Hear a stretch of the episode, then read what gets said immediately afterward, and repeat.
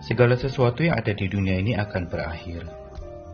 Entah itu kehidupan setiap pribadi kita yang memang akan sampai kepada tamatnya riwayat hidup kita, atau bumi tempat di mana kita berpijak, yang akhir-akhir ini makin jelas lagi dengan berbagai macam bencana-bencana kehancuran yang sedang melanda dunia ini.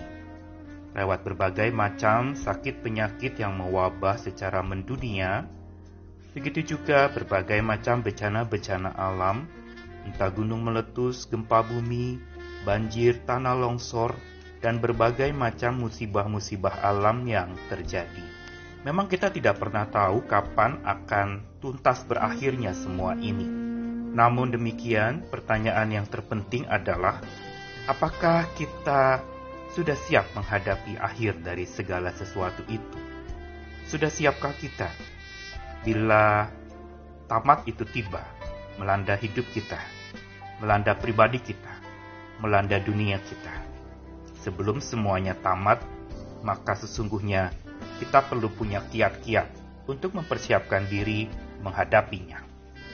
Firman Tuhan sesungguhnya mempersiapkan kita untuk menghadapi akan tamatnya seluruh riwayat kehidupan yang ada di muka bumi ini, begitu juga seluruh kehidupan setiap kita secara pribadi. Kitab suci bukan saja memberitahukan tentang hal itu pasti akan terjadi, tetapi kitab suci juga mempersiapkan diri setiap orang percaya agar ketika itu tiba, dia sudah siap menghadapinya.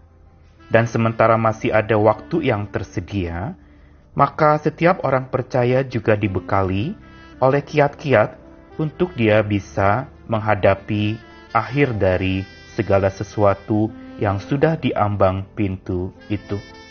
Saya Nikolas Kurniawan menemani di dalam Sabda Tuhan yang menyapa kita lagi hari ini dari 1 Petrus pasal yang keempat ayat 1 sampai 2 lalu 7 sampai 11. Jadi karena Kristus telah menderita penderitaan badani, kamu pun harus juga mempersenjatai dirimu dengan pikiran yang demikian karena barang siapa telah menderita penderitaan badani, ia telah berhenti berbuat dosa. Supaya waktu yang sisa jangan kamu pergunakan menurut keinginan manusia, tapi menurut kehendak Allah. Ayat yang ketujuh, Kesudahan segala sesuatu sudah dekat. Karena itu kuasailah dirimu dan jadilah tenang, supaya kamu dapat berdoa. Tetapi yang terutama kasihilah sungguh-sungguh seorang akan yang lain sebab kasih menutupi banyak sekali dosa. Berilah tumpangan seorang akan yang lain dengan tidak bersungut-sungut. Layanilah seorang akan yang lain sesuai dengan karunia yang telah diperoleh tiap-tiap orang sebagai pengurus yang baik dari kasih karunia Allah. Jika ada orang yang berbicara, baiklah ia berbicara sebagai orang yang menyampaikan firman Allah. Jika ada orang yang melayani, baiklah ia melakukannya dengan kekuatan yang dianugerahkan Allah, supaya Allah dimuliakan dalam segala sesuatu karena Yesus Kristus. Ialah yang empunya kemuliaan dan kuasa sampai selama-lamanya. Amin. Di dalam suratnya, Petrus memberitahukan tentang prinsip yang penting, kiat-kiat di dalam menghadapi hal-hal yang akan berakhir di dalam dunia ini. Pemberitahuan tentang segala sesuatunya akan berakhir itu dinyatakan juga dalam bacaan tadi. Bahwa waktu yang sisa itu berarti memang waktunya tidak banyak lagi. Perlu digunakan menurut kehendak Allah, bukan kehendak diri sendiri. Dan juga di dalam ayat yang pertama dari pasal 4 1 Petrus dikatakan barang siapa telah menderita penderitaan badani, ia telah berhenti berbuat dosa. Bukankah hari ini ada begitu banyak orang-orang yang sedang mengalami penderitaan badani? Yang sebenarnya inilah kiat yang pertama yang perlu dimiliki oleh setiap kita ketika semuanya akan tamat ketika segala sesuatunya akan berakhir, yaitu pertama-tama bertobatlah di hadapan Tuhan dengan penuh keinsyafan. Gambaran tentang penderitaan badani yang membuat seseorang itu berhenti berbuat dosa, ini menjadi semacam teguran buat setiap orang-orang yang menghadapi penderitaan badannya, yang mengalami sakit penyakit. Karena itu bukan semata menunjukkan kerapuhan tubuh kita yang memang akan tamat, tapi menegaskan bahwa melampaui apa yang akan tamat, Tuhan sediakan sesuatu yang tidak pernah akan tamat, yaitu Tuhan sendiri, Allah kita yang kekal, yang bersamanya lah kita bisa masuk kepada kehidupan yang kekal. Karena itu dikatakan hiduplah menurut kehendak Allah. Ini kiat pertama, bertobat di hadapan Tuhan dengan penuh keinsyafan. Dan yang kedua, di dalam ayat yang ketujuh dikatakan, Sesudah segala sesuatu sudah dekat, kuasailah dirimu dan jadilah tenang supaya kamu dapat berdoa. Kiat yang kedua adalah mendekatkan diri kepada Tuhan dengan penuh kesungguhan. Di situ dikatakan menguasai diri, yang berarti ini setelah kita bertobat, kita perlu menguasai diri oleh kekuatan roh yang kudus, agar kita bisa tenang dan berdoa. Berdoa bukan sekedar bicara mengajukan permohonan, tapi berdoa bicara soal kedekatan dengan Tuhan dengan penuh kesungguhan.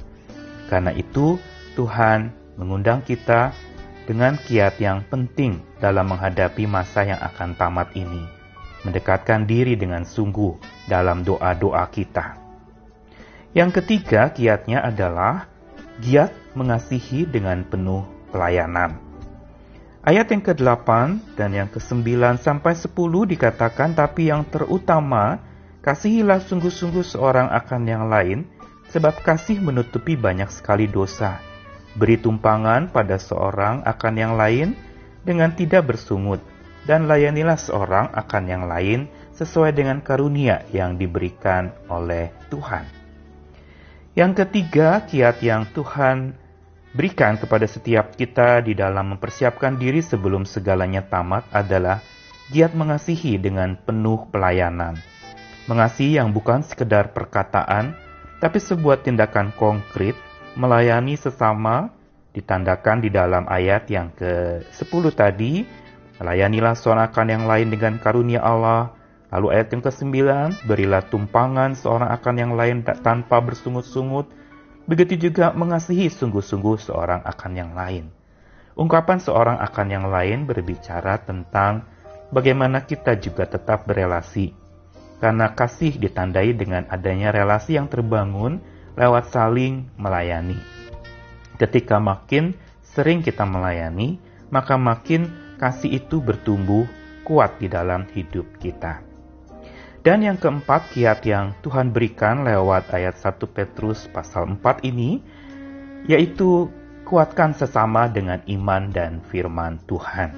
Ayat yang ke-11 dikatakan, jika ada orang yang berbicara, baiklah ia bicara sebagai orang yang menyampaikan firman Tuhan. Jika ada yang melayani, baiklah ia lakukan dengan kekuatan dari Allah, supaya Allah dimuliakan. Yang terakhir adalah kuatkan sesama dengan iman dan firman Tuhan. Saat-saat seperti sekarang ini adalah saat-saat yang bukan saja disebutkan sebagai masa-masa genting, tapi masa-masa penting untuk kita saling menguatkan dengan iman percaya kita dan juga dengan firman Tuhan. Pertanyaannya, masihkah firman Tuhan itu menjadi bagian dalam hidup kita, menjadi kekuatan yang kita andalkan? dalam hari-hari yang penuh dengan pergumulan dan musibah serta bencana yang berat ini.